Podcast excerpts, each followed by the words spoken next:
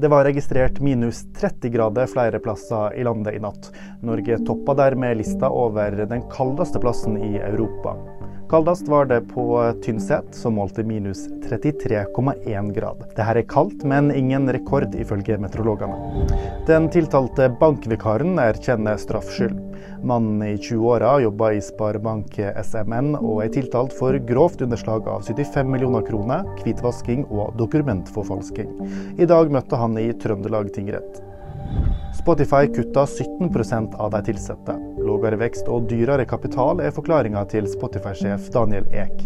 Rundt 1500 blir berørt av jobbkuttet i det svenske selskapet, ifølge Aftonbladet. Og flere nyheter får du alltid på VG.